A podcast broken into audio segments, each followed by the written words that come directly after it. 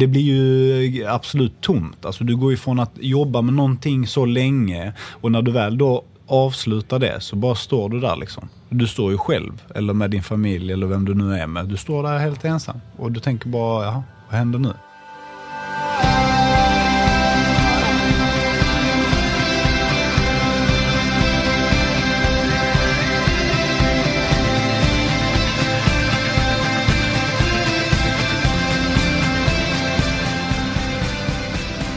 Hej och välkomna till det här första avsnittet av den här nya podcasten. Mitt namn är Petter Andersson och vid min sida har jag... Maja Andersson. Jag är ju då en eh, före detta fotbollsspelare som har haft en karriär i Hammarby fotboll under fem år. Jag spelade fyra år i holländska FC Groningen, säger man på holländska. Och så var jag fyra år i FC Midtjylland i Danmark innan min, min karriär tog slut för ett gäng år sedan. Jag hann även med att spela två landskamper för Sverige. Mm. Och eh, Maja, Ja, jag kan väl gå in på att jag är journalist, färdigutbildad, har jobbat som eh, producent och som programledare i radio. Och ganska nyligen flyttat ner till Stockholm från Norrland. För det är därifrån både jag och du egentligen kommer ifrån. precis, vi sitter ju på en liten hemlighet. Ja, det är väl ingen hemlis ändå. Men vi är syskon. Precis. Kommer från samma lilla ort. Ljusvattnet, Burträsk. Och när jag var 18 år så var du, 10. då flyttade jag till Stockholm och blev fotbollsproffs. Mm, jag minns det. Hur upplevde du den resan? På distans? Alltså, jag var ju inte så gammal ändå när du drog iväg. Men eh, jag minns den dagen du skulle åka. Och att, för att vi har, I vår familj så är vi väldigt känslomässiga. Det är mycket tårar när man ska säga farväl. Och just den dagen så minns jag att det var, det var ganska känslomässigt att du skulle iväg. Men det var ju skitstort. Du hade ju drömt om att vara, bli fotbollsproffs jättelänge och nu skulle du äntligen få komma iväg till, till Stockholm och till Bayern. Det är väl kanske mitt, ett av de starkaste minnen jag har. Men sen så har jag fått följa det i allt från att du eh, har åkt utomlands och kommit tillbaka och skador och så nu sitter vi här. Exakt. Det är som att cirkeln sluts helt plötsligt. Ja, men vi kompletterar varandra också. Ja, men och så är vi för första gången som vuxna då, Ja. in, i närheten av varandra. Det är 16 år sedan sist som vi bodde i samma stad. Ja, det har hänt mycket då. Jättemycket. Och tanken varför det är vi två är ju för att dels då vi har en eh, väldigt bra relation till varandra, men också att vi kompletterar varandra. Mm. Och i de här samtalen som vi kommer ha i den här podcasten så kommer det vara mycket runt fotboll. Eh, personer, fotbollsspelare, men även gissar jag personer runt fotbollen. Eh, där vi kommer att diskutera då och prata om ett litet annat perspektiv, försöka fånga det, alltså det mänskliga perspektivet.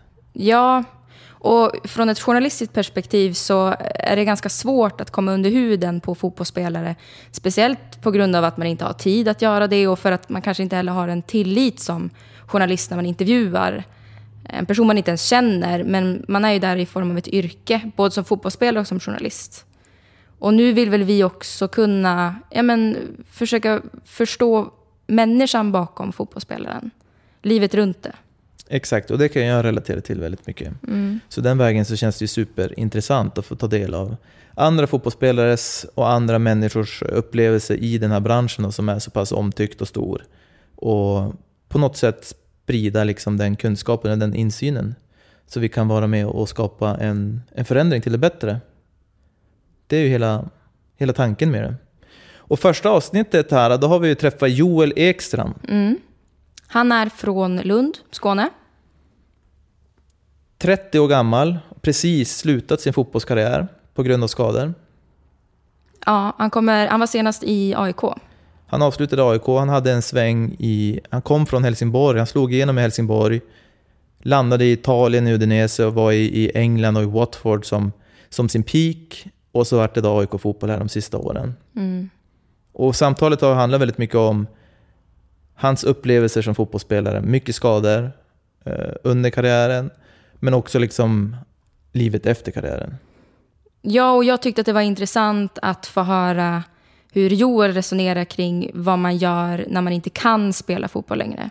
Och hur man känner som spelare i ett lag att inte kunna vara med och vara delaktig längre. Utan att blir det som ett utanförskap eller ja, men hur, hur kände han någonstans? Precis. Så till alla ni då som ska lyssna, trevlig lyssning. Och kom ihåg att kom med feedback. Ja, Sprid budskapet. Och varsågoda. varsågoda.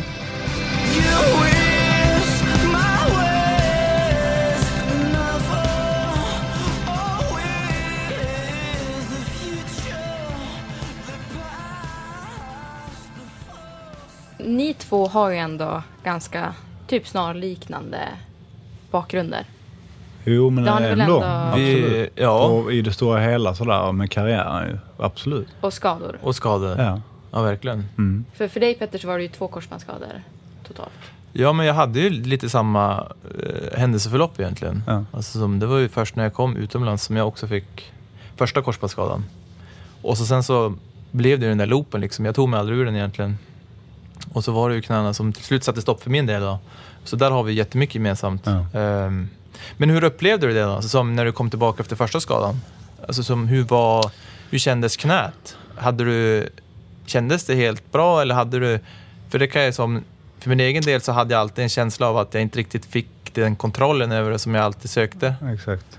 Nej, jag, alltså, samma här. Alltså, jag kände aldrig att... Man, Jag var väl så, vad ska man säga, så fokuserad. Så, alltså, jag var så inställd på att jag trodde liksom, man, man hade ju aldrig upp, jag hade aldrig upplevt en sån skada liksom, tidigare. Så jag hade väl bara sån inställning på att alltså, det kvittar vad som händer, jag ska bara tillbaka. Sådär. Och då hade jag väl någon form av, jag tänkte väl bara liksom, det kommer vara som det var innan. Tänkte jag. Men jag har ju förstått nu i efterhand att när man åker på en sån grej, så att även fast vissa kommer tillbaka till ungefär normalt, eh, hur, hur de var normalställning, eh, eller ställt som de hade tidigare, så är det ändå stora problem, problem med det. Liksom. Och jag kände ganska snabbt, och speciellt nu när jag tittar tillbaka, där och då tänkte jag ju, oh, ja, men snart så blir det si, snart blir det så, men jag, jag, jag inser ju att det var ju aldrig det. Jag hade, som du säger, jag hade aldrig jag fick aldrig samma kontroll, jag hade ständigt ont. Alltså jag har ont idag liksom när jag gör andra grejer, cyklar. Nej men och så liksom... Eh, eh, jag hade ju aldrig, jag, jag, fick aldrig, jag fick aldrig tillbaka samma kontroll. Jag fick aldrig, aldrig tillbaka samma kroppsrörelser. Liksom. Jag kunde inte springa på samma sätt, jag rörde mig inte på samma sätt och då blir det ganska liksom, svårt att prestera så som man gjorde tidigare också. Eh, det, det är ju liksom man tänker ju inte på det förrän man gör sig illa på riktigt. Att man gör ju allt, när man spelar fotboll så gör man det händer ju bara på automatik. Och man bara spelar liksom, som när man var liten. Man bara spelar, man tänker inte liksom, man bara gör vad ens intention säger att man ska göra. Men liksom nu blev det hela tiden så här att oh, nu måste jag tänka på det och kommer det en sån här situation så måste jag ställa kroppen si, ställa kroppen så. Eh, Kommer det en 50-50 duell som jag älskade innan och hoppa in med huvudet före liksom. Nu blir det istället liksom bara, nej men jag, jag backar och så ser jag vad som Du händer. safeade liksom. Safea hela tiden, allt blir bara fel. Liksom. Du kan inte tänka så i fotboll, det går för snabbt. Alltså, du, du hinner inte. Liksom. Men hur lång tid tog det innan du fick din andra skada? Eh. Han du liksom komma tillbaka och börja spela och... Eh, både ja och nej. Alltså då gick jag ju till Bristol, då hade jag rehabat, vi säger smått om ett, ett år. Och så har jag rehabat, så kom jag in och så började jag träna. Och då tränade jag i början i Bristol och liksom bara kände att jag har ont hela tiden, ont hela tiden. Man tänker att det ska släppa. Till slut då så skulle jag eh, starta min första match. Eh, ganska tidigt men men jag kände mig liksom att det var eh, redo och sådär liksom. Och sen så spelade jag 45 minuter Eh, Jag hade inte spelat en match på liksom ett och ett halvt år då kanske eller något sånt. Så att bara pulsmässigt och så här så var det, räckte det liksom. Men eh, alltså jag hade så ont hela tiden så att liksom, det gick inte. Alltså i träningarna pratar jag nu liksom. Så att Okej. det förstod ju liksom tränaren till slut också. Så att vi bestämde bara oss för att gå skilda vägar liksom. Och då hade jag varit i Bristol typ ett halvår en halv säsong och då gick jag till Rotherham som var jumbon i Championship. Tränaren ringde mig och sa bara kom hit, spela, du kommer få spela direkt. Bara få igång, på all, få igång allting direkt liksom. Uh, så gjorde jag det. Men då hade det kanske gått, vad ska vi säga, eh, ett och ett halvt år eller något sånt. Och då kom jag till Rotherham och spelade jag typ efter två veckor och så skadade jag mig direkt. Så då fick jag operera mig. Då var det menisk och det var allt möjligt runt omkring eh, korsbandet då liksom. Så efter Rotherham så sa jag bara att eh, nu orkar jag inte vara ute här och hålla på med utan jag sticker hem. Och för att man spelar färre matcher i Sverige, det är liksom lite lugnare tempo och allt sånt där. Så jag sticker hem och ser liksom om jag kan få fart på det igen hemma i lite lugnare miljö, man är hemma där man har växt upp och så vidare. Liksom. Så gick jag till AIK. 2018, januari. Och då var du, hur gammal då? 28. Så det var ändå två år efter eh, första, Första skadan. skadan. ja. Men jag menar, hur optimistisk var du i att du skulle kunna komma tillbaka på heltid och börja spela? Det är jättesvårt att säga. Alltså där och då tänker man ju hela tiden, alltså man har ju hopp liksom. Man tänker ju bara att imorgon kanske det kommer gå liksom och i veckan efter det kommer det att gå och så vidare. Men i ärlighetens namn så har jag väl hela tiden känt någonstans längst inne att det här kommer aldrig bli bra. Det här blir inte bättre. Om någonting så blir det sämre.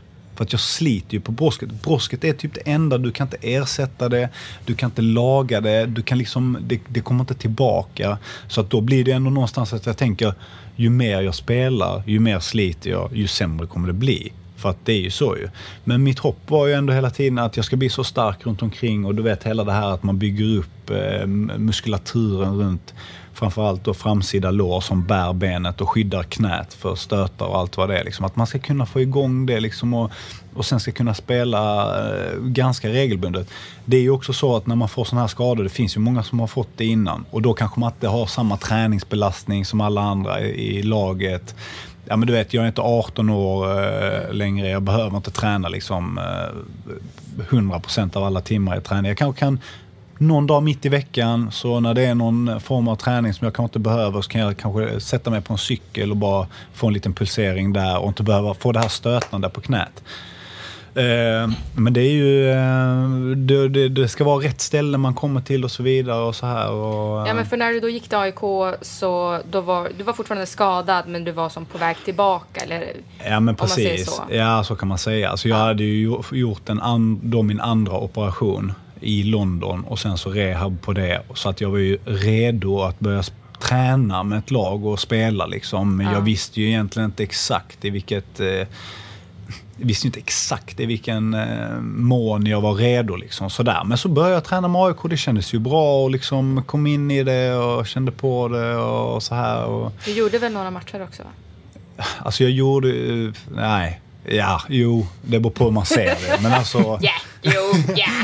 det beror på hur man ser det. Liksom. Okej. Jag, jag gjorde ju Inhopp då? två inhopp Okej. på tio minuter vardera. Så att jag, jag vet knappt om man kan räkna. Hoppa in eh, Jag hoppade in guldmatchen. och tog hem SM-guldet. Liksom. Jag tänkte Ja. jag får hjälpa grabbarna här. Då får du vara med. Så tar ta det jobbigt nere i Kalmar. Liksom.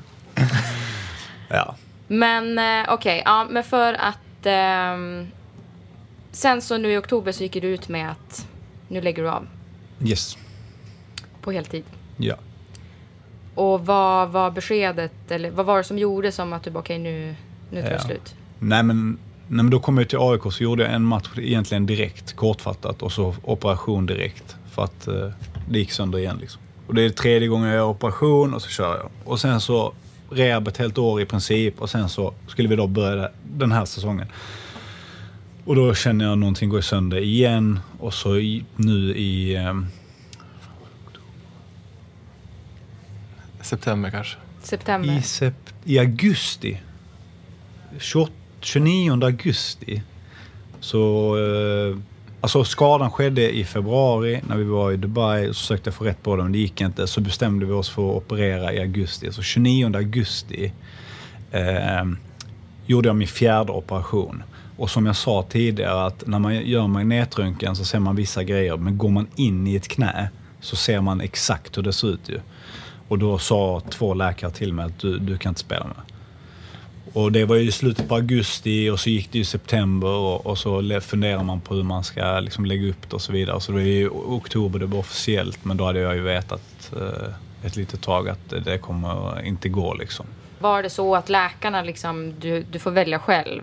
Nej, alltså Eller- läkarna sa bara du kan inte elitidrotta mer med det här knä. Men självklart är det ju jag som väljer i slutändan. Jag är ju kontrakterad. Jag kan bara säga vad ni vet ingenting. Jag vill kolla med en tredje läkare, en fjärde läkare, en femte eller skitsamma vad alla ni läkare säger. Jag kör bara för jag ska spela. Men eh, då kommer man ju från att under fyra års tid inte har spelat någon fotboll i princip. Alltså jag, på de senaste fyra åren har jag inte spelat två matcher totalt. Och fyra operationer, man har bara hajat runt överallt och ingenstans liksom. Så att med det också. Det hade varit skillnad om jag spelar vecka ut vecka in och sen kommer någon och säger du kan inte spela. Nej. Du får sluta. Men med liksom den här historiken så var det egentligen bara... Nej, Alltså, på ett Men- sätt har man ju väntat på att bara liksom Ja, få det. någonstans så kanske du har vetat om det. Ja, alltså Men jag absolut. vet inte, hur reagerade du när du väl fick höra de orden från läkaren? Liksom? Jag vet inte om du minns att du tänkte någonting, kände någonting eller? Nej, alltså jag, jag kan inte minnas så direkt. Men alltså på, på eh, min som största känsla kan jag säga egentligen, det är egentligen bara en lättnad. För att jag har ju tänkt på detta så mycket. Alltså detta är ju inte någonting som bara kommer som en chock i augusti när de här läkarna säger det. Det är någonting jag liksom bara, nu går det inte mer, jag kan inte mer. Alltså efter det ena och det andra. Operationerna är ju bara en liten grej under fyra år när man liksom brottas med någonting varenda dag konstant. Liksom. Så att eh, jag eh, kände väl en lättnad, men alltså när det ändå blir ett svart på vitt någonting. Det är liksom när något dåligt händer oavsett liksom, så är det klart att jag blev eh, skitledsen. Men vad var det som gjorde att det blev så himla självklart att du skulle sluta då? Var det att nej, jag orkar bara inget mer? Ja, alltså Eller det, var, det, det var ju att två, två läkare säger till mig att du har för dåligt knä nu, du kan inte elitidrotta längre. Dels det, min historik och samtidigt så hade jag ju typ ingen ork kvar. Så jag menar, jag har ju kämpat med detta i fyra år så man orkar liksom inte. Så det är det som blir det inom situationstecken sköna i det. Liksom. Att, att man får det bekräftat. Du kan inte eh, spela med Joel. Det går inte. Du får sluta liksom. Så, Men vadå, hur var det för dig Peter? Ja, men jag känner igen mig jättemycket. Därför jag bara sitter och lyssnar.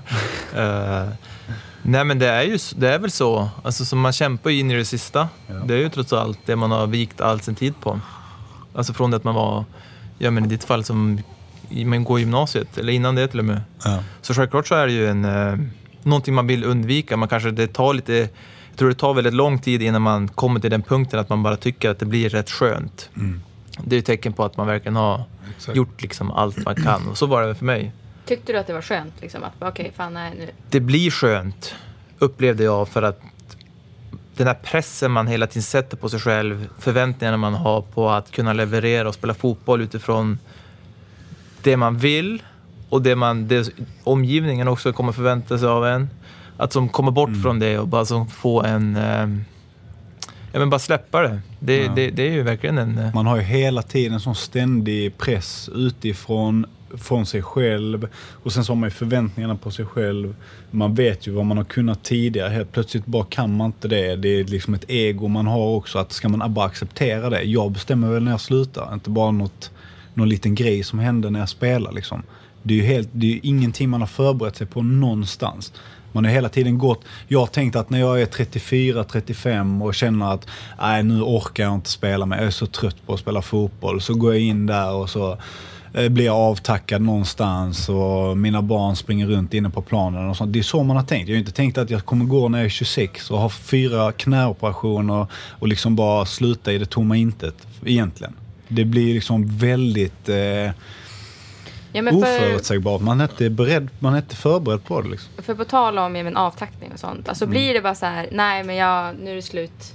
Hej då gänget, hej då, ha det bra. Och så sen så är det slut. Eller vart det som någon så här avtackning och tillbakablickar? Eller, för jag vet inte, du var ju ny i AIK också. Ja. Nej men alltså jag var med och vann. Eh, vi vann ju guld med AIK även fast jag bara kom in sista tio sista matchen egentligen. Men alltså jag har ju haft en jättefin relation med AIK och jag tycker det är en fantastisk klubb och det har jag sagt så många gånger tidigare.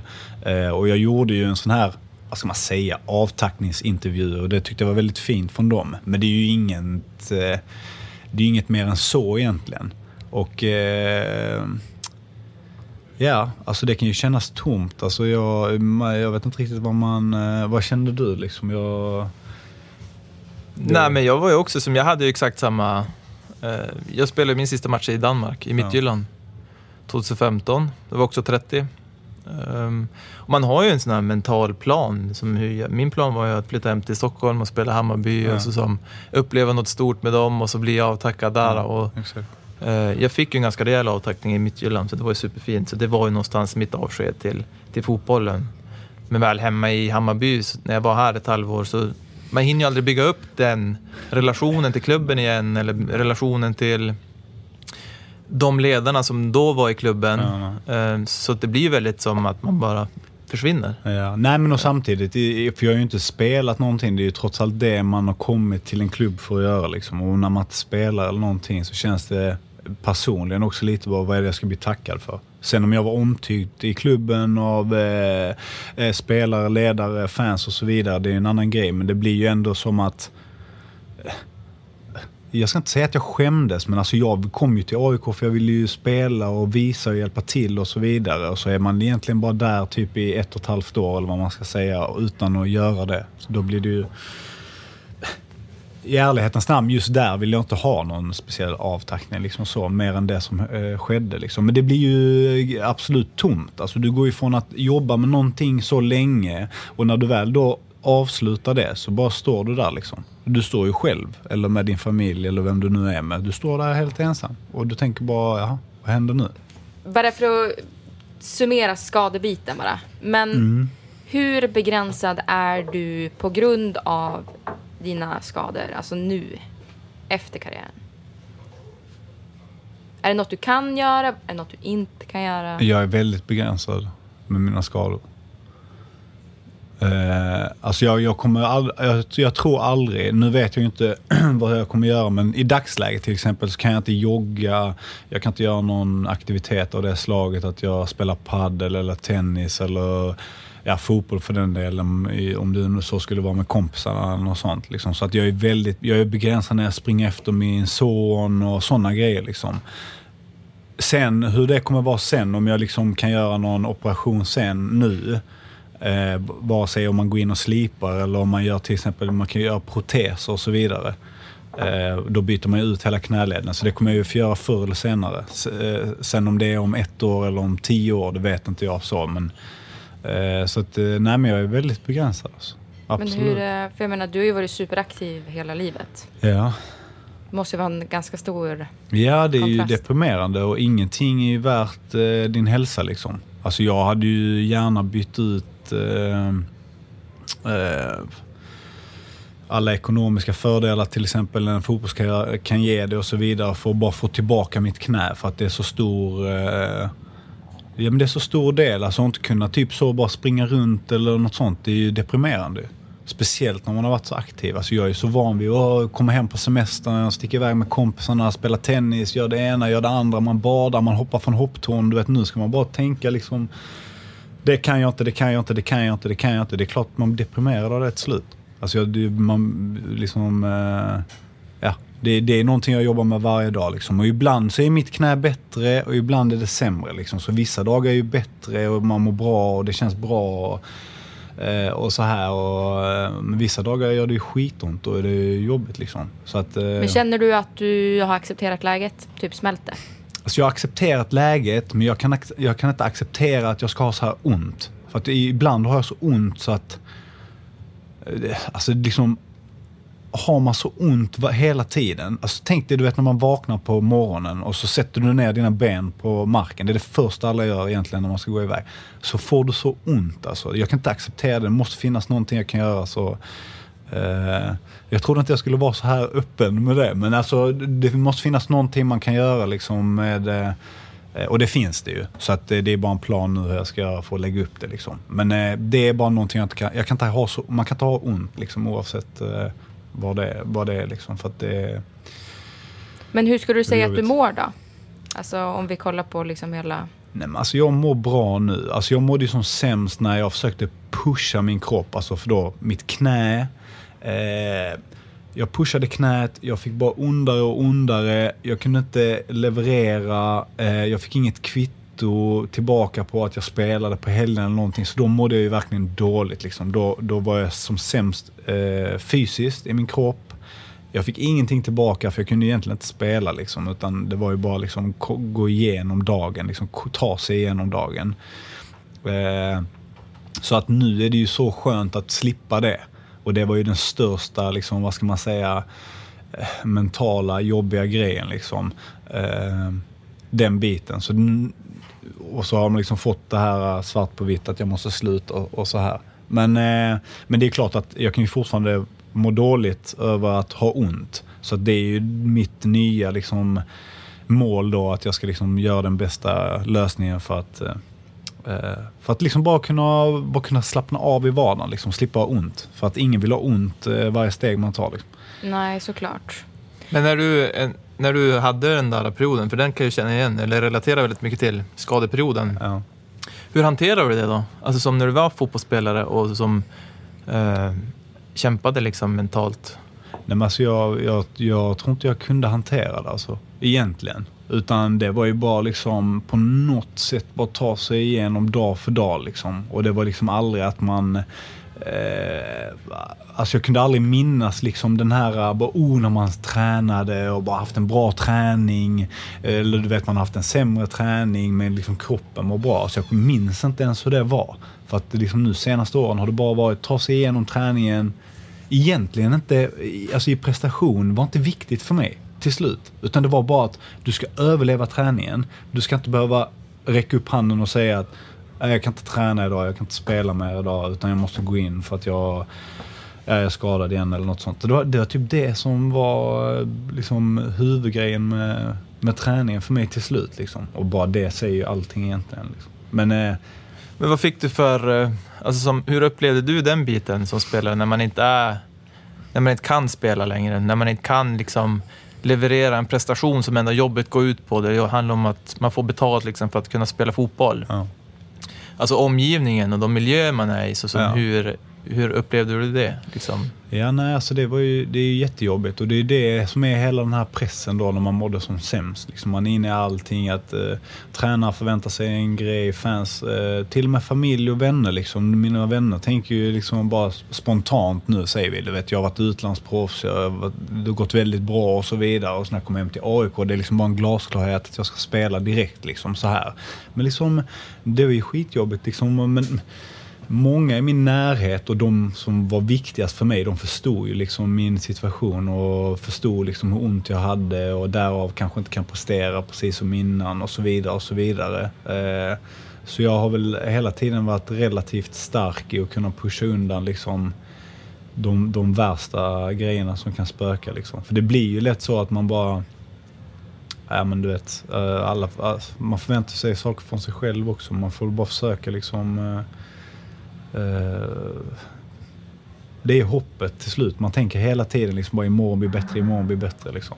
Men eh, ja, det, är jätte, det är svårt att svara på. Så det, jag, kan, Mm. jag kan ju titta tillbaka nu när jag har slutat och tänka liksom, hur orkade jag? Hur klarade jag det? Och typ när jag har ont ibland idag när jag gör något, något inget märkvärdigt alls. Hur kunde jag hoppa runt och spela elitfotboll? Och hur kunde jag liksom tacklas och sådana här grejer. Liksom. Det, Ja, det är konstigt. Alltså kroppen klarar ju så enormt mycket mer än vad man tror. Och det är både psykiskt och fysiskt liksom. Så att man överlever bara i det man är på något sätt. Men jag levererade ju inte. Det, det, du sa där, Mm. hur känner du? Utan jag... Folk, vissa tänkte väl bara kanske också att nej men du är inte tillräckligt bra, du var bättre innan, du har haft skador så att du är inte lika bra nu. Det är därför du inte spelar, för jag försökte ju bara träna liksom och så. så att, eh, ja. Ja, men alltså för att när du ändå är... När man fortfarande är aktiv i en klubb och man har spelare och ledare och allting runt omkring sig men man själv är skadad. Skulle du säga att det blir som ett utanförskap? Att du har känt dig utanför? Alltså definitivt. Definitivt. Men Hur kan det, märkas då? Alltså, Men det är kanske inte... Sen är det alltid så att man vet ju inte hur mycket som... eh, Man vet ju inte hur mycket som är ens egna spöken i en skada och hela den biten som kommer automatiskt och hur mycket som är liksom, det är nog inget aktivt från en klubb eller från ett sjukteam eller från något sånt utan vissa saker bara det sker per automatik. Liksom.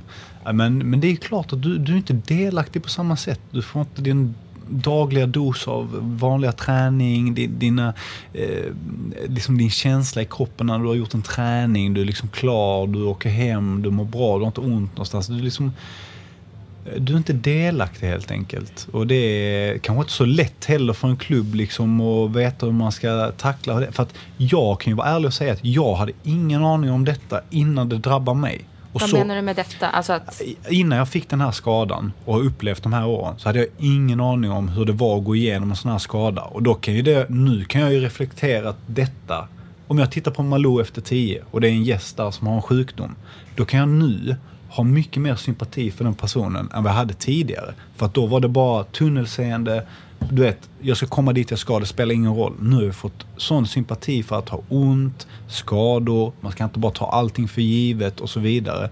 Så att jag kan ju förstå lite att folk som inte har haft, varit med om det och då kan det ju vara en ledning, alltså en klubbledning, att de inte vet exakt hur man ska handskas med en spelare som går igenom något sånt här. Och en fotbollsspelare behöver ju inte bara gå igenom någonting fysiskt eh, problematiskt. Det kan ju vara massa andra grejer liksom med familj, med, med vänner, med, ja men du vet allting. Så att det är ju, en, det är ju, detta är en sån stor bit som kommer vid sidan av. Alltså det är ju också liksom en grabbig kultur och sådär liksom. Man eh, ska liksom ja, bara men köra. för hur, hur känner du att ledare och spelare och så har ja, men kanske hjälpt dig? Eller om du ens har fått något stöd och hjälp när Ja. du har varit Ja. skadad? Ja. Alltså utomlands fick jag ingen hjälp. Alltså där, där finns det inte ens. Alltså i England i alla fall, där finns det, det, det, det finns ingenting. Det Du får liksom klara bara, dig själv. Ja, du klarar dig själv. Liksom, du är skadad, rehabba, kom tillbaka, punkt slut. Eh, och det vet inte jag om det är för att jag kanske var utländsk där eller om det är för att, eller alltså liksom om jag kände mig, om jag kände mig mer, vad ska man säga, socialt eh, inbiten i, om jag då spelar i Sverige på något sätt. Jag vet inte det, men AIK har ju ändå haft en jättebra med, med ledningen och, och så här runt omkring. Där har jag ändå pratat mycket om det och jag har fått stöd att liksom ta den tid du behöver och det blir bra och kämpa och sådana här små grejer som bara kan göra att man känner bara tack, jag ska göra det liksom. För att utomlands är det inte alls så, man växlar inte ett ord. Inte jag i alla fall. Eller inte alltså i de klubbarna jag har varit i. Så att, Men handlar det om att du inte riktigt har fått genuina vänner? Eller är det bara... Nej, det är mental... Alltså det är... I de klubbarna jag har varit i så är det... Alltså det, det är liksom inte... Det finns inte. Men alltså det låter ju helt sjukt du. Jag menar, Nej, men det, det fotbollen är idag. Alltså du är ju en produkt, du är en vara, du har kommit hit för att spela. Så att du är ju där och får lön för att du spelar fotboll. Skadar du dig då, ja då är det bara ditt mål att ta dig igenom en rehab och komma tillbaka. Alltså, så är det väl lite i Sverige men Alltså du, alltså man har, man ska liksom bara, du ska prestera. Du får betalt för att prestera. Och liksom de har ingen, det är klart att om du mår jättedåligt, självklart hade det nog kanske många hjälpt dig. Men i slutändan så du utbytbar liksom. Går jag i sönder plockar de in en ny. Går den i sönder plockar de in en ny. Alltså det är så stora pengar, de har sådana ekonomiska resurser så att det är liksom, en spelare är bara en spelare. det låter nästan lite grann som att du ursäktar dem. Jag ursäktar absolut inte dem, men... men eh, som jag sa innan, det här med att om man inte har varit i det. Som, jag vet inte om jag hann säga det, men jag förstod ju inte. Om jag kunde se någon som har blivit korsbandsskadad när jag själv var 21, 22. Jag kunde ju aldrig föreställa mig vad den människan går igenom då, eller den spelaren går igenom då. Det kan jag ju nu. Men finns så, det att- någonting... så att det är det jag försöker säga, typ så en klubb är inte rustad. Det är inte så att de... Det är inget stort fokus de har på att... Men, men liksom, det var ju andra spelare i AIK till exempel. Nej, men jag som- tänkte att det finns skad- en gemenskap någonstans, alltså bland spelare som kan... Ja, och det, det tycker jag till exempel fanns i AIK. Det var andra spelare som skadade sig och så vidare. Och jag personligen då, nu kan inte jag prata för hur de har mått eller så. Jag kan ändå tycka att det fan har funnits jättebra liksom stöd och eh, hjälp eh, uppifrån då, om man säger så. Där man kan eh, ha olika hjälpmedel, lösningar, stöd och gemenskap som du själv säger. Men jag menar bara på att utomlands, där jag varit, där finns inte det alls. Men vem hade du där då? Alltså, pratade du inte med någon när du var... Nej, alltså då var jag i Watford, Bristol. Eh, eh, alltså i, i, i Watford, så är du med din sjukgymnast. Jag har en sjuk, sjukgymnast varje dag, så han blir ju min mentor. Det är kanske det lite vad de får betalt för då också, jag vet inte. Alltså du förstår vad jag menar. Men det, det kommer ju per automatik, för man umgås dygnet runt ju. Så när alla andra är ute och tränar så är jag med, med den här sjukgymnasten. Men det här med, för Petter du berättade ju för mig att du kunde känna dig ensam när du la med fotbollen. Ja, gud ja. Det blir det ju per automatik tror jag. Sk- Jag är, eh, känner mig alltid ensam. Nej, ska jag. Nej, men vadå, det är ju någonstans ens familj från att man är... Från den dagen ska sägas då man började satsa på fotboll. I mitt fall när jag var 15 år så hade man ju eh, fotbollsfamiljen om man kallar det så. Alltså omklädningsrum, medspelare, tränare, ledare omkring sig konstant. Varenda dag. Det var rutinen. Rutinen gick ut på att man hade en tid att som följa och komma in till träning och så sen så är man där, man äter lunch, man tränar tillsammans, man är i omklädningsrummet och så, så umgås. Fram till då att det bara blir ett stopp. Och så finns det inga rutiner längre, det finns ingen familj längre på det sättet om man då inte har hamnar liksom i en klubb eh, och börjar jobba direkt efter. Då. Ja. Alltså, som jag tyckte det var ett extremt jobbigt eh, steg. Och det visar sig det, det finns ju massa studier på också då, att det är ett stort steg, ett, ett svårt steg att ta. Att elitidrottare överlag har svårt att som, gå, eh, gå vidare efter en elitkarriär för att man blir, det blir tomt. ja, absolut. Verkligen. Det är därför Nu vi ska börja liksom- hänga nu. Ibland, ja exakt. Vi ska börja umgås. Tio varje morgon, frukost i ett omklädningsrum. Men för jag vet inte hur relationerna blir. För jag menar, jag skulle ändå tycka att det var speciellt att man spelar i en klubb och man har typ 30 pers runt omkring sig, grabbar specifikt kanske då. Eh, som man ändå umgås väldigt mycket med och så sen från en dag till en annan så försvinner man från, den, från det gänget. Och så sen så, jag menar har man inga vänner, alltså vart är vännerna? Var, varför tar man inte med sig en social bit från klubben när man lägger av? Alltså, du kan ju ha personliga vänner i klubben, eller alltså så, spelare och så vidare. Men liksom, de är ju kvar i det där och om du själv då slutar, av, av vilket skäl du nu har slutat. Men som jag till exempel, när jag slutar nu. Det blir svårt för mig liksom att umgås i det där som jag kanske vill sticka ner till Karlberg, liksom AIKs träningsanläggning ofta och så. Men det, det blir jobbigt att vara där nästan för att jag liksom blir påminn om vad jag inte kan göra och så vidare. Så det är svårt nu för mig. Sen om man avslutar liksom på en naturlig, naturlig väg då, då är det en annan grej kanske. Men nu är det liksom att det, det är jobbigt liksom. Så det blir att man... Eh, jag kan ju fortfarande vara typ så om jag bara, oh, kan jag äta en hamburgare idag liksom? För att man hela tiden har levt i någon värld där liksom man får tänka på vad man gör hela tiden. Liksom. Man kanske inte kan äta en hamburgare idag, man kanske inte kan göra si, göra så, hela tiden. Nu kan jag äta hamburgare varje dag om jag vill. Inga problem. Ja men bara en sån grej. Ja, men det är ju positivt på så sätt. Det Men är jag menar, positivt på ett sätt. Om du inte kan besöka anläggningen och fortfarande känna så här, äh, det är för jobbigt att vara här. Alltså, Ja, men det- då, det- då finns det ju en ganska lång bit kvar att bearbeta Ja, innan du... absolut. Och det, men för mig så är det, gans- det är inte jättenyligt och fräscht kanske, men det är ändå ganska nyligen jag slutade. Liksom. Men eh, absolut, alltså, det är fortfarande typ så, jag, om AIK har en hemmamatch jag kanske ska gå, jag, jag tycker det är jobbigt att kolla. För jag blir ju ändå automatiskt, även fast jag självklart kollar på fotboll då och då, och liksom sådär. Eh, det är klart jag kan göra det, men alltså det blir jobbigt. Speciellt när man får direktkontakt med typ gräset och arenan och planen och sånt. Kollar man på TV, det är ändå en annan grej liksom. Men liksom är jag där, ja men vi ser, jag sticker ner och så bara sitter man där och snackar med grabbarna och hit och dit. Och sen så när frukosten är klar och de ska gå och byta om och så vidare så går de in i omklädningsrummet och jag liksom bara, ja men jag, ja, ska jag kolla kvar lite på träningen eller titta på, eller ska jag liksom sticka hem?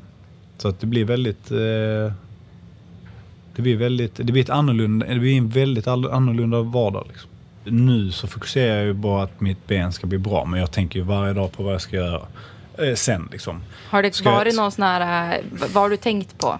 Alltså jag tänker allt möjligt. Och det är dag till dag. Det är olika grejer från dag till dag. Det ena dagen kan det vara att jag ska plugga. Andra dagen ska det vara att jag ska öppna ett café. Eller ställa mig i ett café och jobba. Eller ska jag testa bara eh, jobba i butik. Alltså så att säga inom situationstecken ett vanligt jobb liksom. Bara för att dels är jag nyfiken på det, hur det är liksom sådär att ha ett vanligt jobb. För att man har ju inte haft ett vanligt jobb, så är, så är det. Eh, och sen så, eh, men, liksom så bestämt vad jag vill göra. Om jag ska göra samma sak eh, och, och ha en karriär liksom inom någonting nu i kommande 30 år. Det är jättesvårt att säga. Och jag har ingen aning om vad. Vill jag vara kvar i fotbollen? Liksom på något sätt det skulle vara väldigt enkelt och naturligt att liksom göra någonting om det. Det finns ju allt möjligt. Vill man testa att bli tränare? Vill man vara agent? Men det är så jag grubblar varje dag. Så det är självklart någonting jag tänker på men det är ingenting som jag ser som en börda just nu. Utan det är mer som, jag kan nästan tycka det är lite kul. Jag kan tycka det är kul att det är en helt öppen värld. Det är en helt ny dörr som öppnas. Liksom bara, nu kan jag göra vad som helst. Jag kan liksom bara sätta mig och plugga som eh, vänner har gjort. Eller jag kan, eh, jag kan gå in i vilken butik som helst och bara lämna in eh, ett papper och säga jag skulle vilja börja jobba här. Liksom. Och bara se vad som händer. Men när du pratar om plugga, alltså för det känns som att många som eh, satsar på alltså fotboll kanske, eller idrott generellt, eh, när de är unga och då måste de göra ett val. Ska jag Mm. Gå ut gymnasiet eller ska jag satsa på fotbollen? Och många som jag har träffat, och det gäller dig också Petter, går inte ut gymnasiet. Nej. Nej, jag har inte gått ut gymnasiet. Jag har typ grundämnena men jag har absolut inte fullständigt gymnasiebetyg. Så i så fall skulle jag ju få läsa på typ komvux, läsa upp mitt gymnasiebetyg och sen söka till någonting. Så det är så det hade sett ut i så fall. Men eh, som, alltså det är... Du blir inte stressad av det så? Nej, jag blir inte stressad för att som tur är så har jag ju en ekonomisk trygghet. Så det är ingen stress på så sätt. Utan jag liksom, eh, men det är klart att jag kan bli stressad till att jag vill ha något vettigt att göra. För att jag mår inte bra av, jag kommer aldrig vara sån som bara, oh vad skönt, jag ligger på soffan liksom och bara, jag vill ju göra någonting. Samtidigt vill jag göra någonting jag känner att jag vill göra liksom. Du testade ju eh, expertrollen. Ja men precis. Det var ju bara någon vecka sedan. Ja, Ja, just det. Vad var det? Ja, då var jag ju i Viasat Sport, eh, i Viasat-studion för Premier League då. Premier League lördag var det.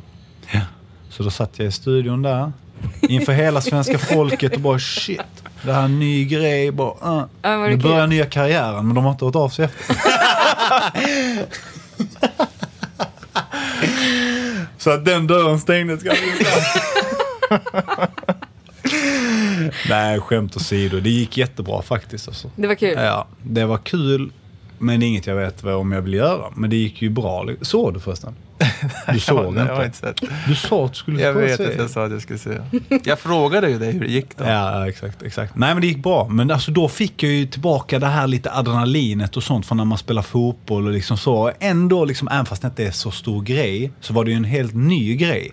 Och då får man ju det här pirret liksom så här. Lite så dagen innan matchkänsla, du vet man bara oh imorgon ska jag göra det. Som man inte haft på hur länge som helst. Man bara går i sin rehabstuga, lunkande vardag varje dag. Så att det var ju skitkul liksom. Men eh, ja, de är fullständiga på Viasat. Eh, Det finns ju fler. det finns fler ja. Så att om ni hör detta, eh, ni kan skriva, kontakta Petter som är min agent och så kan vi se om vi löser någonting. Det är en deal. Ja. Men det här med, jag tänkte bara gå in lite djupare på det, det här med att man som ung spelare inte utbildar sig. Ja. Det- Många gör inte det. Nej. Är det är- ett problem? Det är ju tyvärr eh, lite av ett val eh, man måste göra och, och Men måste man välja då? Alltså handlar inte bara det om att, att man är lat? Nej. Nej, det tror jag inte. Nej. Alltså, Alltså, du, alltså, s- i alla fall så som jag känner, alltså när man är i den åldern, och man ska liksom, eller så som jag kände, alltså då ska jag ju lägga all fokus på fotbollen. Liksom. Och att även fast det låter som att ja, man har hur mycket tid som över, som, hur mycket tid över som helst, så har man inte det. Man är liksom hela tiden bunden till att man ska prestera. Så även fast du tränar till kanske klockan ett, säger vi bara. Så att du är bunden hela tiden. Du tänker redan på imorgon, ska jag prestera, vad ska jag göra nu, hur ska jag liksom lägga upp dagen bäst? Och det kanske låter konstigt, men det, tar, det kräver energi hela tiden.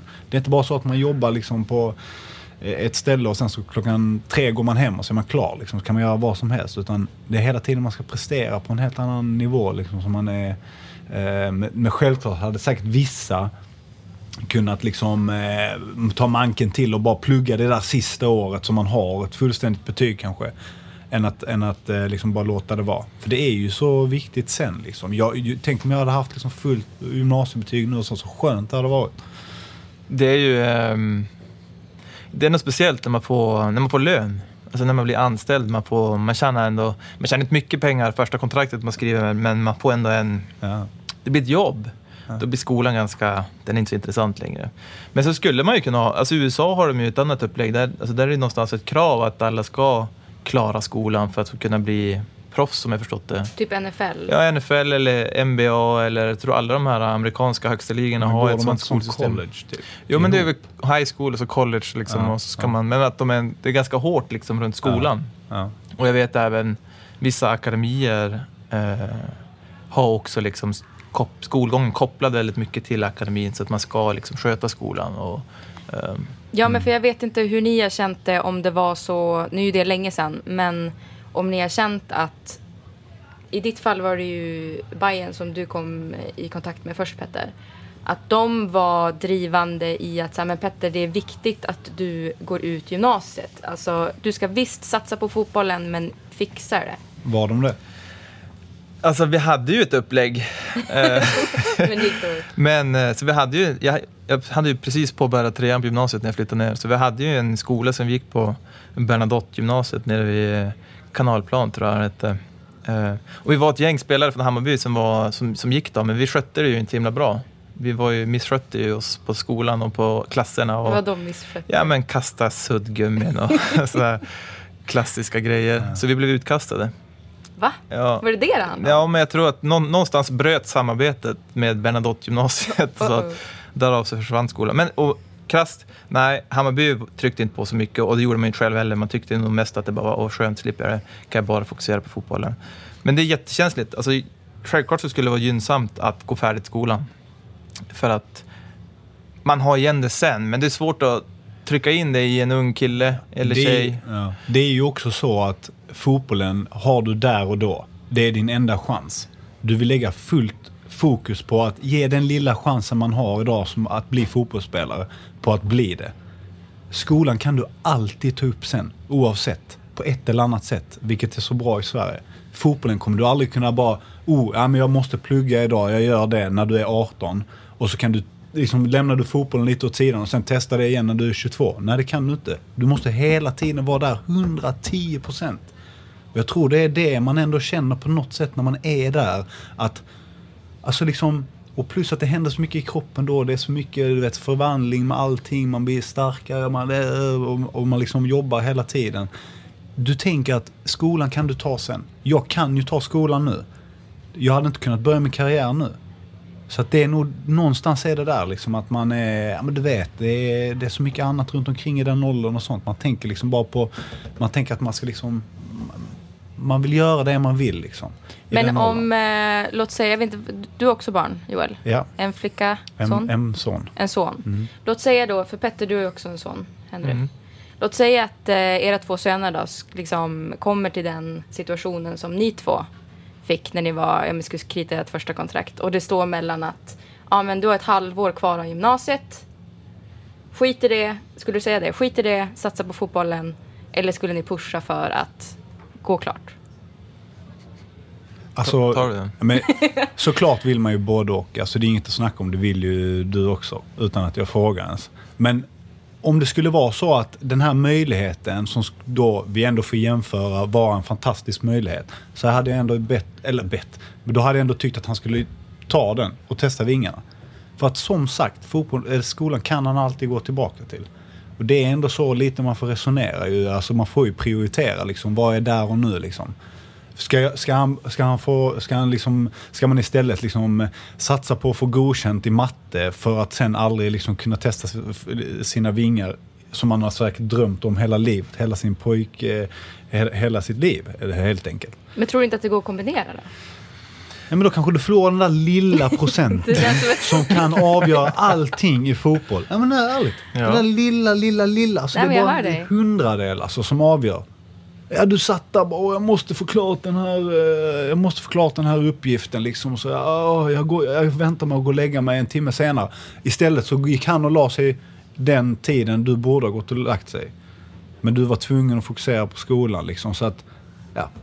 Ja men du vet, det blir löjliga Jag så. Men det, det, finns ju, sådär liksom. det, det är nog ing, finns inget rätt eller fel i det, utan det handlar nog mer bara om att hitta Ja.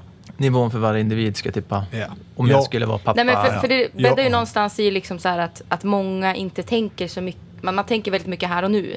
Ja. Men att det sen Ja, kan ja. finnas ett gynnsamt, liksom, är man lite eftertänksam och bara, men fan, har jag gymnasiebetygen så har jag ändå bäddat Ja. för en framtid när jag inte Ja men absolut. Alltså, jag har spelat med folk som har spelat på hög nivå, alltså ut, eh, till och med utlandsproffs och så vidare, som har gått klart gymnasiet.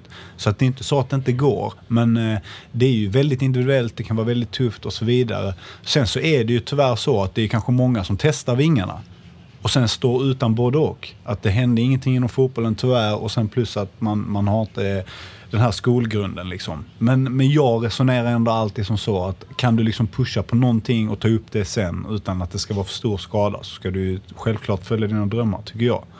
Men eh, kan du kombinera både också? självklart. Ja, det går nog inte generalisera.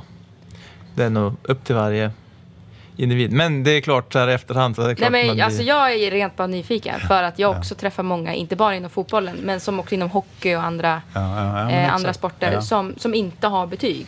Eh, och att nej, man måste inte plugga för att bli någonting sen kanske, men att det kan bädda för att man har en tryggare framtid. Absolut. Men sen är ju fotbollen För att ett som i båda ert fall så det tog slut. Jo, men fotbollen är ju ett plugg. Det är ju också en utbildning som är väldigt, väldigt nischad.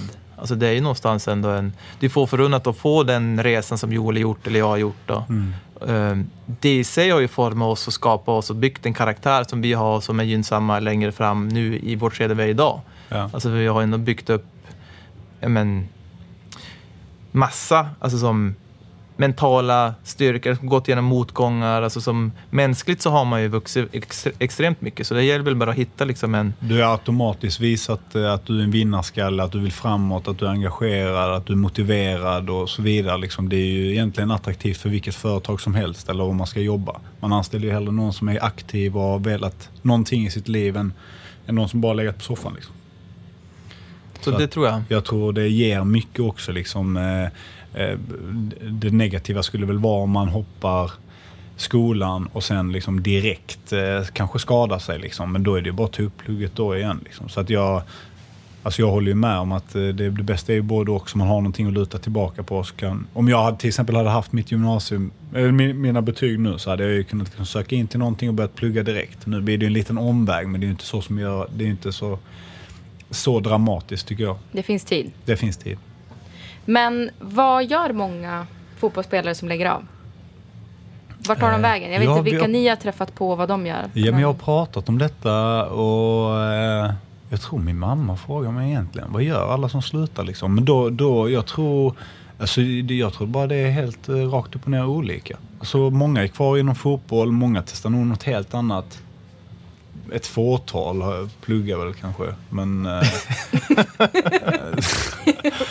bara för att de inte har kvar gymnasiet. Nej, men, Nej, men det är väl alltså den lättaste vägen är väl att använda fotbollen som bakgrund och så hoppa in i fotbollen fast det är en ny roll. Som du var inne på Joel, Ja. alltså tränarvägen eller agentspåret eller scouting eller som... Det finns rätt många yrkesroller ändå inom fotbollen som man kan ta. Ja. Ehm, eller bli säljare av något slag. Exakt. Mm. något som handlar om högpresterande tror jag är oftast det man söker sig till. För jag tror att många saknar den här kicken, Ja. den här pulsen liksom, att som har någonting att, att sträva efter och tävla för. Ja. För det är ganska genomgående i hela, hela karriären. Det Det är väldigt svårt att hitta den någon annanstans. Liksom. Alltså den här, den här, det här ad- adrenalinet, liksom. du kan inte få det någon annanstans, liksom, känns det som. Det finns väl ställen man kan få det, men inte i din, en vanlig vardag. Liksom.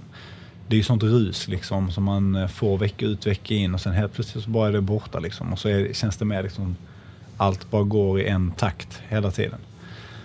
Så att eh, till exempel att sälja och sånt där kan ju ge en motivation och kickar till att eh, bli liksom bäst på det och så vidare. Och så.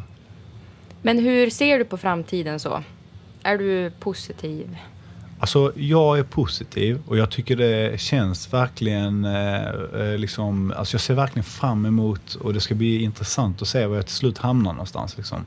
Och vad den må vara. Liksom. Jag har ingen aning egentligen så direkt här just nu vad det kan bli.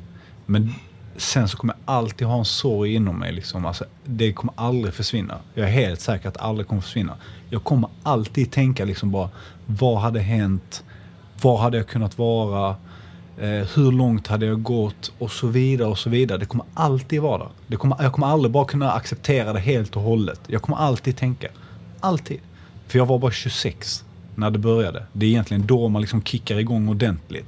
Som mittback, 26. Det är liksom mellan 26 och 33 är man, man liksom ska flyga. Så att det, jag kommer alltid tänka på det. Men jag uppskattar också mycket. Jag har fått mycket från fotbollen liksom. Så det, det är liksom, jag hade kunnat, man kan tänka på tusen olika sätt. Jag hade kunnat skada mig när jag var 18. Och så hade jag aldrig ens fått vara ute och spela utomlands. Man har ju sett så mycket kulturer, så mycket, alltså allt möjligt har man fått se. Som man aldrig hade sett annars kanske. Så att det, det är två vägar alltid. Alltid. Skulle du ha gjort om din karriär med vetskapen om att du skulle sitta här med de skadorna som du har? Så svår fråga.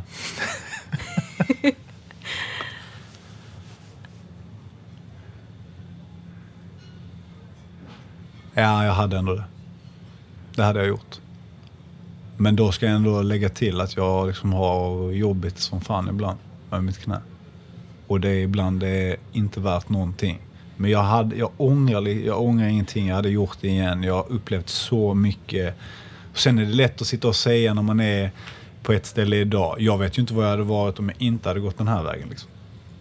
Det kanske hade varit i total misär. Så att, eh, jag hade gjort om det alla dagar i veckan. Jag har fantastiska förutsättningar nu att kunna liksom, eh, göra egentligen vad jag vill och liksom bara kunna rikta mig in på någonting jag trivs med och sånt. Liksom. Så jag, jag, är, alltså jag är jätteglad. Jag är jätteglad. All, all, all, allting har något form av, någon form av prislapp. Så att detta är min. Jag har en till fråga jag måste få ställa. Som är lite off topic. Ja, Eh, när du var aktiv och spelade, ja. det här har vi frågat andra spelare som jag har varit i kontakt med. Hade du någonting som du var tvungen att göra eller det som du inte kunde göra innan du skulle spela? Alltså att du var lite, eh, vad är ordet för det? Vidskeplig. Vidskeplig. ja, nej jag har inte sånt. Du har ingenting sånt? Alltså jag hade inget sånt löjligt. "Nu, Jag måste på mig vänster benskydd. Det hade du. Jag måste hoppa med så vänster hade. Jag måste hoppa med vänster fot tre gånger på planen och så. Nej, nej. Det var bara att köra. nej. Har jag, alla har jag sagt det, det? typ. Har jag sagt vänsterbenskydd till dig? Nej, men jag hade Det, det. det är helt sjukt. Nej, är det vanligt eller? Jag har ingen aning. Inte Ja, jag men det heller. är ju så. Alltid sätta ett benskydd först, sen det andra. Hade, Fan var vad det- meningslöst. Var det samma sak med skor? Ja, jag, nej, skorna var ingen. Men just benskyddet, för jag hade jag har lite så här hjulbenta smalben. Säger man? Ja. De, går, de går snett så här. Ja, Så går den vänstra mer. Så ja, men så att först. benskydden de formades ju efter benen. Ja, Eh, Så det var jätteviktigt att jag inte satte på alltså så här, är fel på Ja. vänster. Och vänster var alltid först. Alltså det var Okej. krav. Så hittade jag inte vänsterbenskyddet så blev jag stressad.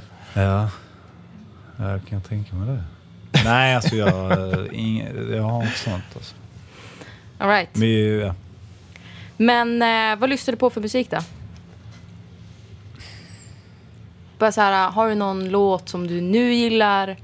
Eller som du alltid brukar lyssna på? Alltså, Kolla igenom din Det roliga är att idag innan jag skulle hit så bara satte jag på en sån här eh, alltså, skön låt alltså. Spelade den i hela Lady, Wayne Wade. Lady Way, vad sa du? Vad heter den? Lady heter den, Wayne Wade. Vet ni vad det är för låt? Nej, jag, inte, jag vet inte om jag den den. är så skön alltså. Men då tycker jag att vi, vi lyssnar på den och så sen så, Petter, så tackar vi Joel. Yes. Ja, men stort tack för att man fick komma hit. Superkul ju. Ja, jättekul. Och så ska vi... eh, Får vi se om det ringer någon till agent Andersson ja. här då. Jag skulle ju lämnat uh, mitt Nej, men de, de kontaktar er. De kontaktar oss. Ja.